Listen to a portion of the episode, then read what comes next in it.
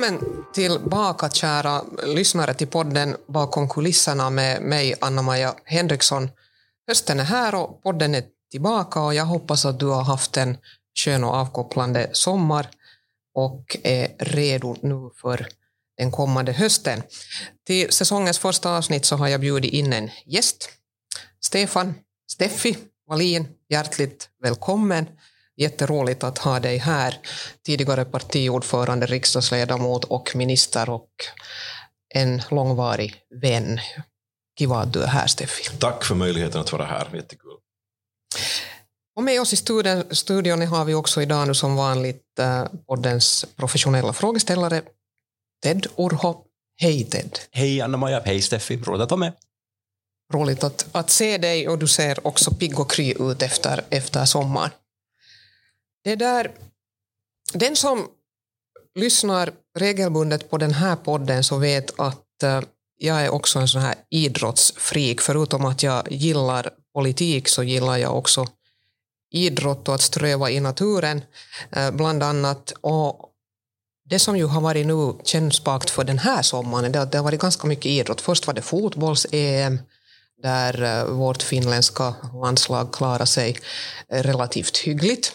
Och eh, sen blev det OS i Tokyo, ett OS som ju blev på det sättet historiskt att första gången i historien så körde man det utan publik. Men vi kunde ändå följa med OS eh, via tv och arenan och olika sociala medier. Och eh, det råkade sig så att jag råkade ha semester just när det var, när det var som, som, som bästa OS-tiden och det, det var det var ganska skoj. Men, men hur är det med dig, Steffi, tidigare idrottsministern? Har du orkat följa med OS i Tokyo eller, eller hur har din sommar sett ut? No, det är en bra fråga. Alltså, för, jag tyckte på något vis att min, min liksom sportpajazzo tömdes i början av sommaren i och med fotis-EM. Jag såg på jättemånga matcher, också sådana som man egentligen inte av purt intresse med tanke på länderna eller lagen och det som man visste tid, sen tidigare om dem borde ha förutsatt, men ändå blev det så att man såg jättemycket mycket fotboll. Så var det en liten paus, och sen började, så började OS. Jag vet inte, på något vis var det som en liten sordin skulle ha lagt sig på mitt huvud kanske i och med den här lokalbefolkningens uppenbara ointresse för, för OS. Så det kändes lite som att man prackade OS på ett folk som inte riktigt ville ha det, därför att det var bestämt. Och det var efter en uppskjutning av, av spelen från förra året, liksom också fotis-EM var. Men sen när de väl var igång så det är klart att nu infinner ju sig en så här liten festivalstämning och nu såg man ju på en del konstigt nog också sådana grenar som man aldrig riktigt tidigare har följt med. Och det tror jag att det är ganska många som har sagt samma sak, att man har suttit och tittat på just till exempel det här skit eller, ja. eller hästhoppning eller simhoppning eller sånt här som man tidigare kanske inte riktigt på det viset har fastnat för. Men nu var det bara så på något vis spännande att följa med. Det är ju just så här och egentligen tycker jag väl att det är en av tjusningen med sommar-OS att uh, där finns en massa grenar som du annars inte egentligen följer med men som då blir sådär att när du börjar titta så kan du inte sluta. Och jag kan ju medge det att jag följde ju nog med den här skitfinalen där vi, där vi jag talar i vi-form, där när vår finländare höll på att ta hem en, en medalj, äh, Eetu Kallioinen, det var ju fantastiskt, man hade ju knappt hört om honom mm, före. och så plötsligt så står han där äh, i finalen med, med de här gar, garvade äldre herremännen som minsann har deltagit i många tävlingar och så håller han nästan på liksom att ta guld. Missar ett par äh, duvor och, och sen missar han ännu riktigt på slutrakan två till och förlorar bronset med en äh, sån här duva. Men, men det där med olika grenar så, så det tycker jag är jättespännande. Så jag har också nu följt allt, med, allt från segling till, till det där um, friidrott förstås och också damfotbollen tittar jag på, eh, ridning etc. Så många, många liksom spännande moment och det, det, kan jag väl säga så här att jag tycker att för de här idrottarnas del så var det en lycka att det här OS hölls. Att man tänker på hur mycket tid de sätter på att träna. Så för dem skulle det ha varit jättejobbigt att inte få tävla den här sommaren. Eh, jag måste medge att jag själv följer kanske inte med OS så mycket på grund av de här idrottsprestationerna utan jag är mer intresserad av de här samhällsfrågorna och människorättsfrågorna och sånt ni som är liksom samhällspåverkare av, av, av, högsta rang, hur mycket kan ni sätta, sätta liksom det där vardagsjobbet åt sidan och fundera på vilka länder får delta, vem ska få delta, alla sådana saker, och liksom fokusera på de där idrottsprestationerna? No, alltså det är klart att det, det kommer alltid den där skuggan med och det, eh, nu såg vi ju också nu att, att till exempel vårt östra grannland Ryssland så, så var ju egentligen utestängt från OS men man tävlar då under olympiska kommitténs flagg och man kan ju fundera på det här att är det nu det då som har varit meningen men så här har man nu skött det. Eh, sen tyckte jag att också de här jämställdhetsfrågorna är en, en sak som jag nog alltid funderar på. Vi hade den här amerikanska topp i, toppgymnasten, eh, hon som, som eh, har, har vunnit liksom över 20 VM-medaljer tidigare, som plötsligt bara helt enkelt inte orkar äh, göra sina prestationer. Trycket på henne var ju så enormt. Hon var liksom USAs stjärna nummer ett. Alla hennes sponsorer väntade att hon skulle göra ett hopp som ingen i hela världen har klarat av. Äh, och, och det blev helt enkelt för mycket. Men det roliga var att se att sen då hon väl hon fick ju liksom hemskt mycket stöd sen, både av, av sina medtävlare och av allmänheten. Och det ledde till att hon ställde upp i den sista tävlingen och grenen och där tog hon sen en medalj. Det tyckte jag egentligen var en fin story. Så är det. När det gäller det här med vilka länder som får vara med och den här oändligt svåra diskussionen om idrott och politik och människorättsfrågor som ju har liksom blivit den återkommer ju oftare och oftare. I våras hade vi en diskussion om om var hockey-VM får spelas eller inte spelas och det flyttades från Vitryssland till, till Lettland och, och tidigare så har vi haft lite motsvarande diskussioner i andra sammanhang. Nu har vi fotis-VM i Qatar på kommande som kanske inte är världens människorättsparadis. Och så har vi OS i Peking, vinter-OS i Peking. När, när OS ordnades i Peking förra gången, sommar-OS 2008, så var jag då idrottsminister och, och då hade vi en, en diskussion att hur ska vi hantera den här frågan. Vi var ju samma linje som alla andra. Det var inte frågan om bojkotter. Men länder hade sen lite olika förhållningssätt hur man tar upp människorättsfrågor i sina bilaterala träffar med kollegor där. Och det var då förutbestämt att jag skulle träffa min, min kinesiska kollega eh, Kai Wu som var kulturminister, vilket jag gjorde. Och då hade vi en sån policy inom regeringen att alltid när man träffar kineser så tar man upp på ett visst sätt människorättsfrågor, nämner uttryckligen den vid deras rätta namn. Vilket jag sen gjorde, jag tror att du också nämnde Tibetfrågan. Men han var alldeles kolugn. Han till och med lite så här smålo när han sa att, att vi har inga problem med människorättsfrågorna i Kina. Faktum är, sa han, att Kina har ratificerat fler människorättsavtal än vad USA har gjort. Just så. Vilket är sant. Exakt. Frågan är bara vad man gör med ett ratificerat avtal, eller inte gör. Precis, och det, det är ju det som, som sen är pudelns kärna. Men, men så här är det, och det är klart att en viss problematik finns det ju nog också där att, att det börjar vara så stora arrangemang att ordna ett OS, så det finns inte hemskt många länder och städer i världen som klarar av det mera. Och, och, och det är ju lite trist. Kanske avsluta det här partiet med att säga det att, att Finland eh, lyckades nu då i OS få två bronsmedaljer. Mm. Och det är nog faktiskt inte hemskt mycket. Men det är bättre än ingenting och de prestationerna, Matti Mattsson i, i simning, eh, det var ett, ett fantastiskt resultat av honom och Mira Potkonen i, i, i boxning som, som lyckades upprepa att ta medalj två OS efter varandra. Så det är i sig en prestation. Men, men nog har ju Finland blivit långt efter till exempel våra nordiska grannländer där man har Karsten Warholm och en Ingebrigtsen och en Armand Duplantis och, och så vidare som, som bara hovar in medaljer. Mm. Vi har en lång väg att gå. Men vi har också nog unga lovande idrottare på kommande, men mycket jobb ska göras. Som tur har vi Dennis Ståhl från Åbo i Sverige också. No, det är nog tur. Som tur är ju det, och som tur är det ju också så att det är ju det där att få vara med som räknas. Mm, så är det.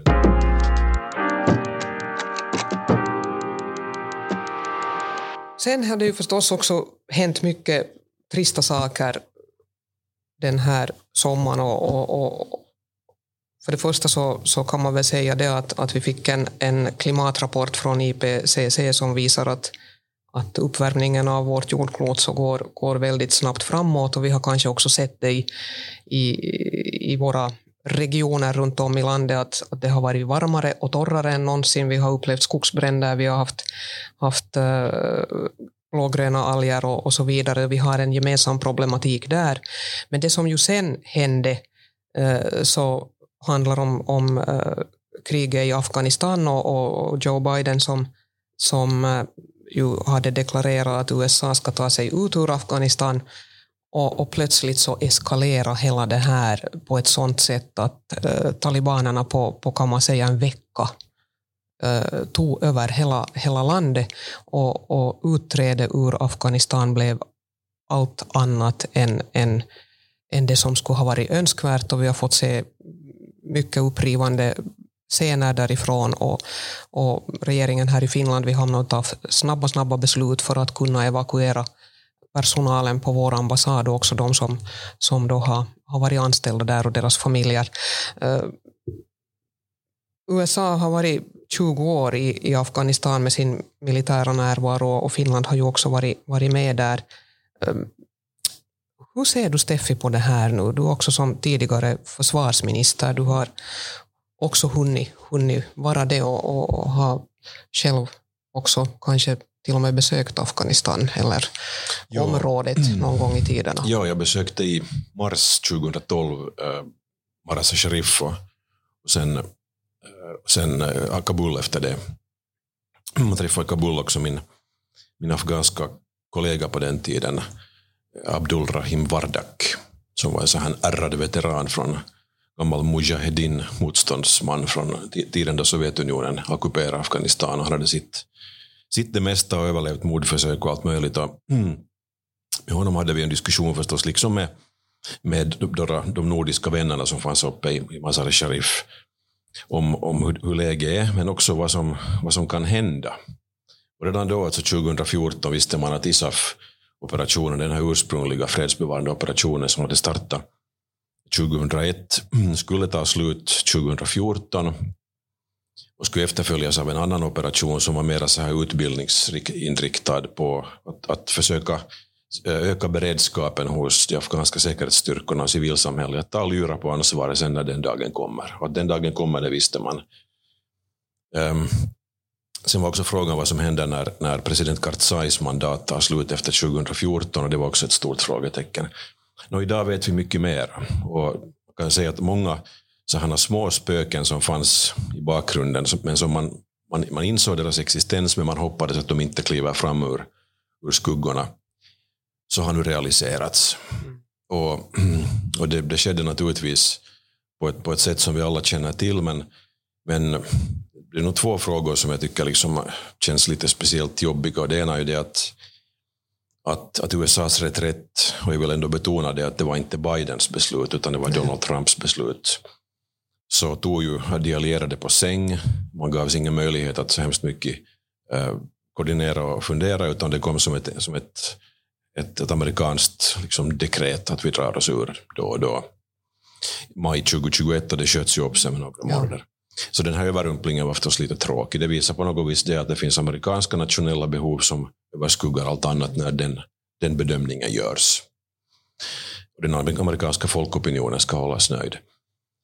Och sen det andra var, var förstås det att, att det afghanska säkerhetsstyrkornas eh, kapacitet och, och, och, möjlighet att ta, ta, ta över det ansvaret så var ju så, väl, så nästan lika med noll. Exakt. Låg stridsmoral, eh, eh, lågt intresse för att, att bära det här ansvaret, korruption, sålda vapen till Taliban som man hade fått från USA, mutor etc. Så, så har det urholkat eh, liksom möjligheterna att, att ta över det här ansvaret. Och om inte viljan finns bland den egna säkerhetsstyrkan, förmågan, ambitionen, geisten att ta det här ansvaret, så kan ju ingen annan ha ett större ansvar, heller ingen utomstående nation, utan det står och faller sen med den egna förmågan, eller oförmågan, och så gick det ju nu sen.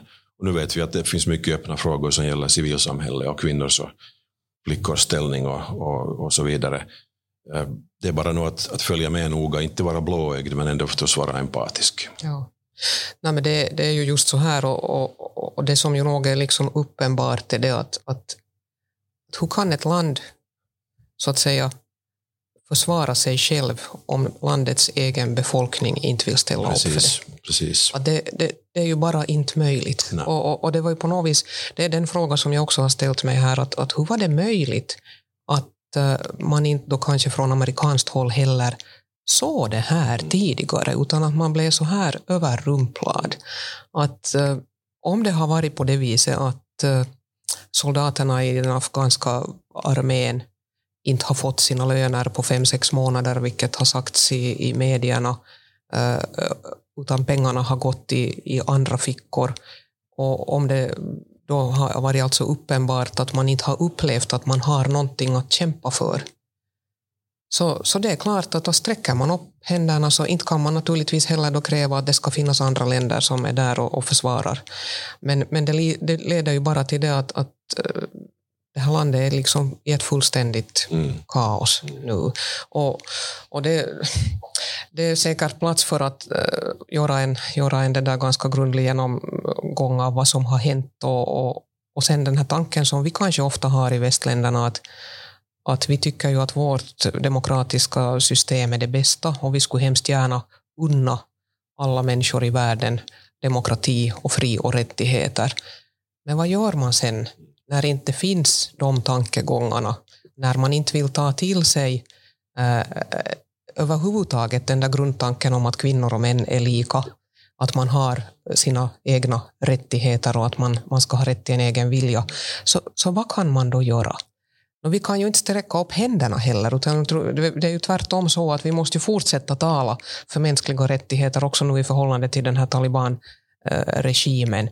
Men, men nog har vi liksom en större problematik här framför oss och det, det är ju nog med tungt hjärta man, man följer med nu den här utvecklingen och, och tänker på alla de som, som nu dagligen säkert är rädda för sitt liv och är rädda för sina barn och för sina, för sina flickor, deras framtid, möjlighet att gå i skola, möjlighet att överhuvudtaget ha någon sorts äh, äh, makt över sitt eget, eget liv och det, det gör ju en illa. Men, men som sagt, äh, tragiskt på många sätt Mm. och ett, ett misslyckande och syndabockar vet jag inte om det är så stor idé att börja nu peka ut, men, men nu har man ju också misslyckats i det största landet. Absolut, så är det. Det är mycket vi inte vet just nu, men, men det på något vis känns som att det finns en revsax framför oss oberoende vad som händer. Om det, är det värsta händer, att talibanerna nu äh, återfaller till det som de var för 20 år sedan, äh, eller ens ditåt, så har vi förstås en människorättskatastrof på kommande. Men ponera att det skulle ändå vara någon typ av, av taliban light Mm. som har tagit över en ny generation som kan spela på ett lite annat sätt än den förra. Så kommer den kanske att kunna säga att till, till USA och till, till oss som har varit engagerade där i många år att, att okej, att nu, nu är vi beredda att upprätthålla skolor för, för flickor och att låta kvinnor jobba och så här. Men det kostar och det är pengar som inte vi har. Så det är bara att ni hovar fram de här pengarna nu över, ett- över en längre tid. Så mitt i allt är vi fast där med ett stort ekonomiskt engagemang för att trygga sådana värden som definitivt är värda pengar. Men samtidigt så ser vi till att den här regimen liksom tvättar sitt ansikte. Ja, det, Med det är pengar som vi verkligen, och det, det är ju verkligt, det är en verkligt obehaglig revsax. Det är en jättejobbig revsax. Alltså, det finns inga lyckliga lösningar. Nej, det finns inte. Nå, vi kan inte lösa den problematiken idag heller, men jag tror att, att det här borde få alla att tänka till. Och kampen för kvinnors och flickors rättigheter får absolut inte ta slut och inte heller för det fria ordet. Nu är det ju också de här journalisterna som har varit där och som har vågat, vågat göra reportage och, och så, så att nog, nog, nog har de det jobbigt. Så är det. Ja, så, så är det. Sen kan man väl säga här nu ännu att, att eh, risken är naturligtvis att, att det här också kommer att leda till en, till en flyktingkris. Uh, huvudsaken är ju att vi tillsammans nu inom EU skulle hitta, hitta lösningar och också inom världssamfundet att man, man försöker hjälpa så mycket man kan där i, där, där i närområdena, men det ska man ju vara fullt medveten om att inte har ju heller närområdena kapacitet hur mycket Mm. som helst. Inte finns det plats i Pakistan och andra områden, utan nog kan det bra hända att vi får också se, se en större flyktingvåg därifrån och därför har vi ju från, från SFPs och riksdagsgruppens håll hållit fram också det att flyktingkvoten borde höjas eh, och Finland borde ha beredskap att ta emot flera kvotflyktingar och det får vi nu se hur det går här mm. i samband med budgetrian. Den diskussion vi också kommer att ha förstås är det att, att har det här nu, det som har hänt, höjt vår tröskel för att delta i fredsbevarande operationer i fortsättningen? Jo, den risken finns säkert. Det kan hända. Men ändå skulle jag på något vis vilja tänka som så att, att varje, varje kris är unik. Varje kris har en unik bakgrund. Och varje kris liksom anatomi så skiljer sig från alla andra. Det betyder att man också måste ställa sig från fall till fall eh, till varje kris separat. Man kan liksom inte säga på rak arm att nu stiger tröskeln. Utan, utan jag tror att de kriterier som vi i Finland och till exempel nordiska länderna har tillämpat när vi har bestämt oss för att delta eller inte delta i en fredsbevarande operation, så de har inte förändrats någonstans. Vi, liksom, vi har torrt på fötterna. Vad kan vi ge för mervärde för den situation som har uppstått, att lösa den, att hantera den, att skapa en bestående fred och ett, ett civilsamhälle som fungerar och, och mänskliga rättigheter, kvinnor och barn. Eh, men också vad kan vi dra nytta av för vår egen försvarsmakt i termer av, av att testa våra operativa ledarskap, ledarsystem och, och vårt försvarsmaterial och våra kommandokedjor och så vidare. De här kriterierna finns kvar och de har inte förändrats någonstans. Så att, att hoppas att inte tröskeln stiger, men precis som hittills så prövar vi alltid vårt, vårt deltagande från fall till fall. Så här är det och jag hoppas också att det, det, utvecklingen ska vara den här, att man inte drar för långtgående slutsatser och, och tänker att att nu, nu, nu ska vi som strama till vår, vår politik mm. när det gäller fredsbevarande, för det tror jag inte heller skulle vara lyckligt. Uh, sen finns det en annan dimension och, och, och den, den kan man sen börja filosofera ganska långt om. Och det var det här Joe Bidens tal som han höll här där han ännu försvarar USAs reträtt. Och du har ju alldeles rätt i det att det var Donald Trump som, som ju satte igång det här och Biden hade ju egentligen inga andra val än att fullfölja det. Det, det var ju bara så.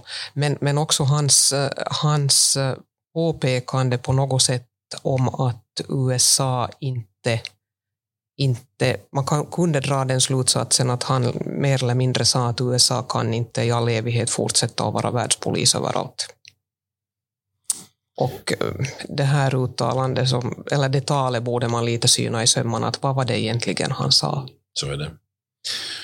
Vad han nu sen menar så, så innebär det också det att man kanske i framtida fredsbevarande operationer ställer sig frågan att vad är USAs roll då i den här mm. operationen Exakt. ifall de är med på kort Exakt. sikt och på lång sikt? Exakt. Handlar det om ansvarsbärande av, av liksom mera, eh, ska vi säga, globala orsaker mm. eller handlar det till syvende och sist bara om vad som är bäst för USA? Mm.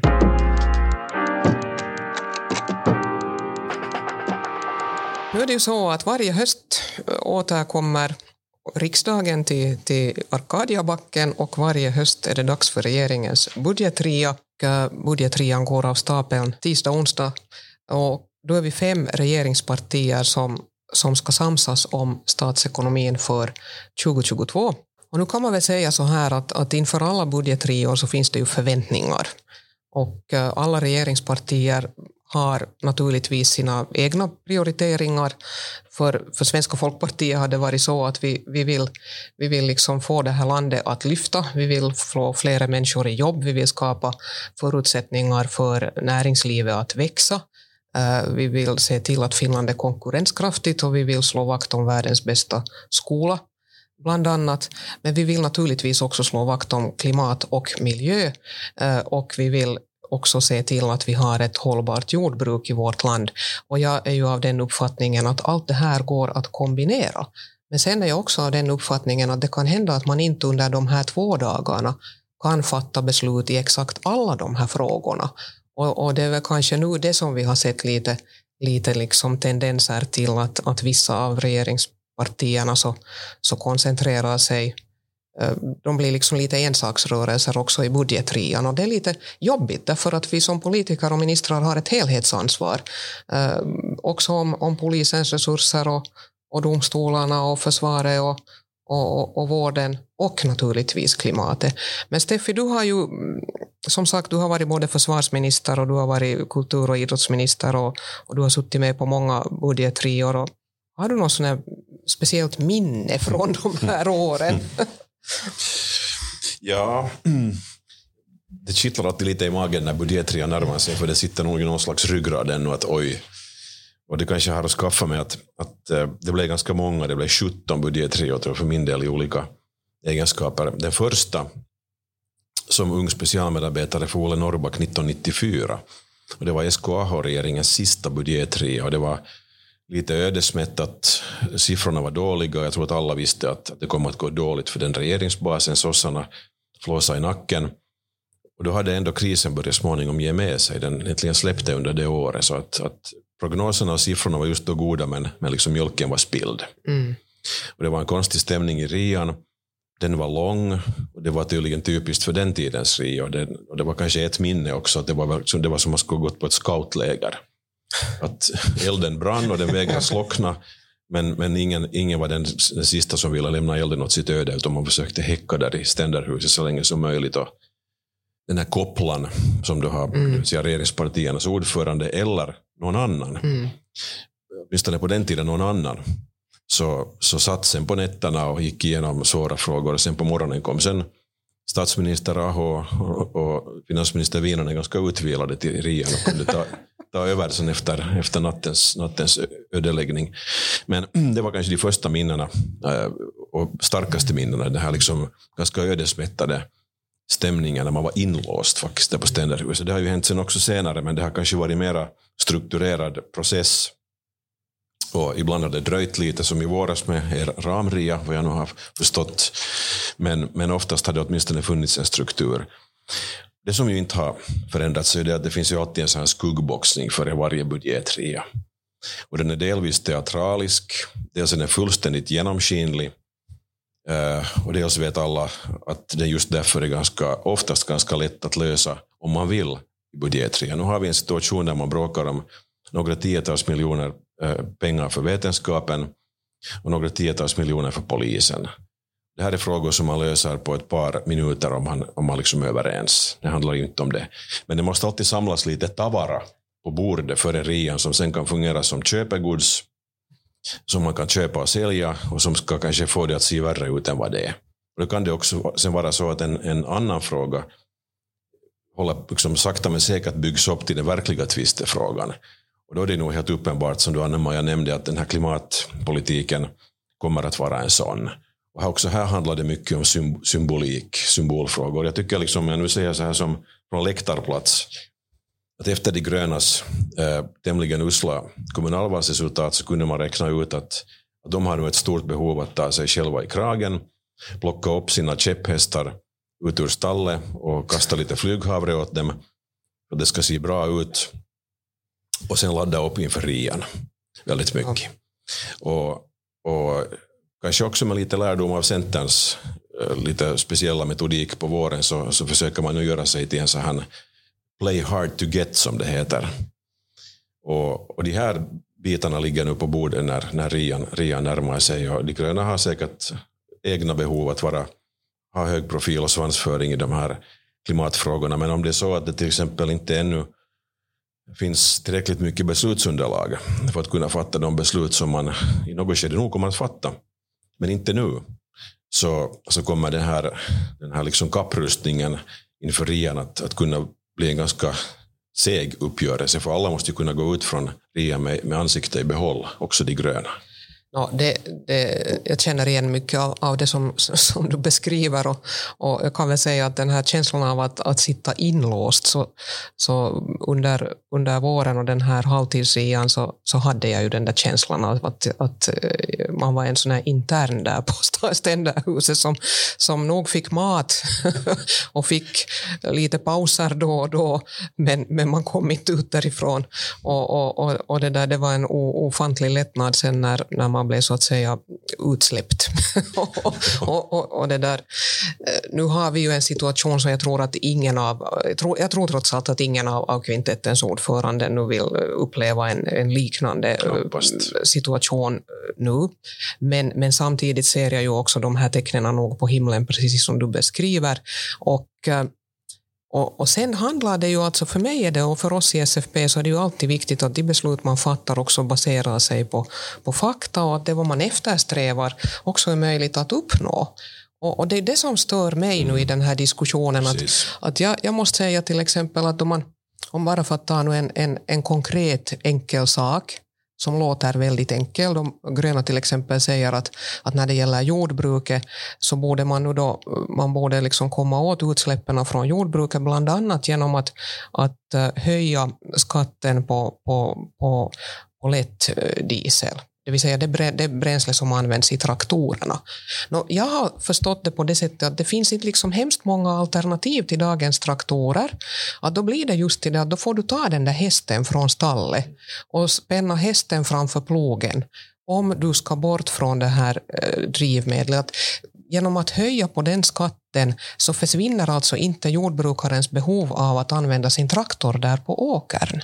Och då kanske inte där själva effekten på utsläppen blir det önskade, utan effekten blir det att jordbrukets lönsamhet ytterligare försämras och jordbrukarens inkomst ytterligare försämras. Och det är ju det som är nu vår avsikt och det är därför som, mm. som jag, jag har varit som väldigt mån om det att vi i, i de olika arbetsgrupper som regeringen har tillsatt också kan jobba till slut förrän man fattar beslut som, som tyvärr till vissa delar handlar väldigt mycket mer om identitetspolitik än om sådana beslut som de facto skulle påverka utvecklingen så att du kan se att jo, det här kommer att leda till att vi får så och så mycket mindre CO2-utsläpp och det här kommer att också vara rättvist för den och den gruppen. Det är just precis så här och det är liksom kanske så här som utomstående eh, kan, kan liksom säga om de gröna lite vad jag har länge tyckt om deras, deras, deras inställning till primärnäringarna.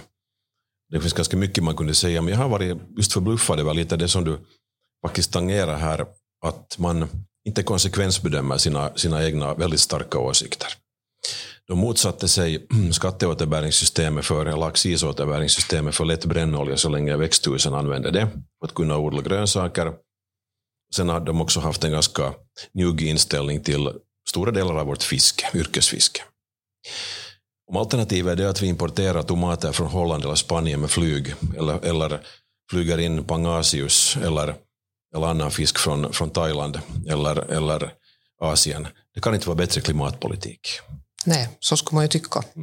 Och det är ju just den här konkreta liksom konsekvensbedömningen som man måste också göra. Men, men som sagt, jag, jag ser fram emot den här RIAN och jag ser ju fram emot att, att också hitta lösningar, för vi behöver lösningar.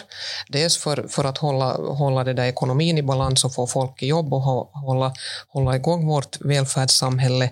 Och, och för SFP är det naturligtvis viktigt att man inte höjer skatter på arbete och inte på företagande. Däremot finns det nog parti partier i regeringen som väldigt gärna höjer skatterna, speciellt på företagen och, och, och, det kan vi under inga omständigheter acceptera. Och också det måste man ta i beaktande när man eh, funderar på den här helhetspaletten. Så att vi har spännande dagar framför oss. Hushållsavdraget har varit en grej som Svenska folkpartiet har kört hårt och jag är jätteglad att det finns nu med i finansministeriets bottenförslag. Och, och, det kommer jag också att, att jobba för att ska finnas med när vi kommer ut från rian. Eh, det tror jag skapar både arbetsplatser och eh, skapar också mera välmående och möjligheter för, för både äldre och yngre att få, få underlättat sin vardag i hemmen på olika sätt med både stöd till, till äldre och med städhjälp och så vidare. Så det är viktigt. Och minska den grå ekonomin. Och minskad grå ekonomi inte minst. Men vi får, vi får se vad Rian ger med sig och nu, nu det där mm, spännande tider blir det och, och den här tvåmetersregeln för kulturen, eh, teatrarna, eh, musikhusen, biograferna, den, den ska bort. Regeringens kvintett har varit mycket bestämd och social och hälsovårdsministeriet så, så ska nu snabba ryck få fram en, en, eh, ett lagförslag som, som ska gå till riksdagen så att riksdagen kan behandla det omedelbart som riksdagen nu kommer tillbaka till Arkadiabacken och det här har varit för oss och för mig också väldigt viktigt. Så att mycket saker är på gång och vi vill ju att den här hösten ska starta, starta så bra som möjligt.